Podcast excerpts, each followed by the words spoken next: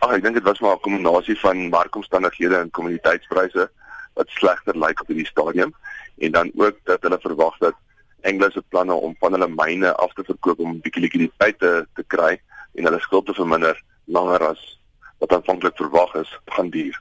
Met hierdie afgradering is daar natuurlik ook nou hierdie vrees vir werksverliese. Dink jy dit is 'n realiteit? Kyk, die, die plan was vir hulle as hulle die myne verkoop dat hulle hulle werks werknemer voor van omtrent 135000 na omtrent 50000 toe wou verminder. So dit was deel van die planne, maar baie keer wat gebeur is deel van die afverkoop is om van die werknemers oor te neem, maar ek dink daar sal werksverlies deurkom as gevolg daarvan, ja.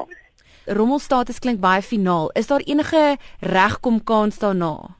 Ja nee nee, nou verseker, kyk Moody's het ook gesê is as hulle doen wat hulle wat hulle beplan het, hulle kan dit doen in die tydperk en hulle kan hulle rasios ver, verbeter om weer terug te kom na wat hulle was, dan kan hulle hulle status weer terugverander na soos hulle sê investment grade of beleggingsstatus toe. So dit is moontlik om weer terug te kom, ja.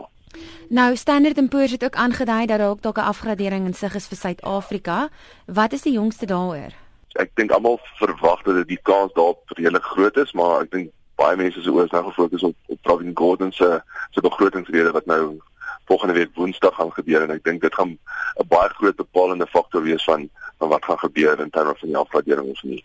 Vir die leuke onder ons, waarna moet ons luister in die begrotingsrede juis weet in terme van 'n beleggingsafgradering? In in my persoonlike opinie dink ek mense moet nou luister na waar gaan die staat geld vandaan kry? Met ander woorde gaan hulle meer geld kan inkry, met ander woorde belasting dalk verhoog en dan hoe gaan hulle dit spandeer? Ek dink een van die die goeder waarop die graderingsagente fokus is om te kyk waar gaan ons ons geld spandeer? Gaan ons ons skuld minder maak? Gaan ons infrastruktuur spandeer of gaan ons dit op staatsdiens of sosiale toelaat spandeer? So ek dink dit is die groot goed waarop ons moet fokus.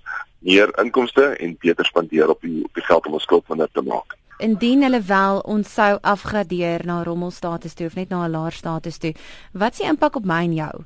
Uit die aard van sou gaan die status skuld ieder kos wat beteken dat hulle meer geld moet kry wat moontlik kan beteken dat belastings verhoog kan word. So dit kan wees dat op einde van die dag ons ons persoonlike belastings hoër kan wees. Ek dink dis een van die een van die goed wat 'n mens kan verwag.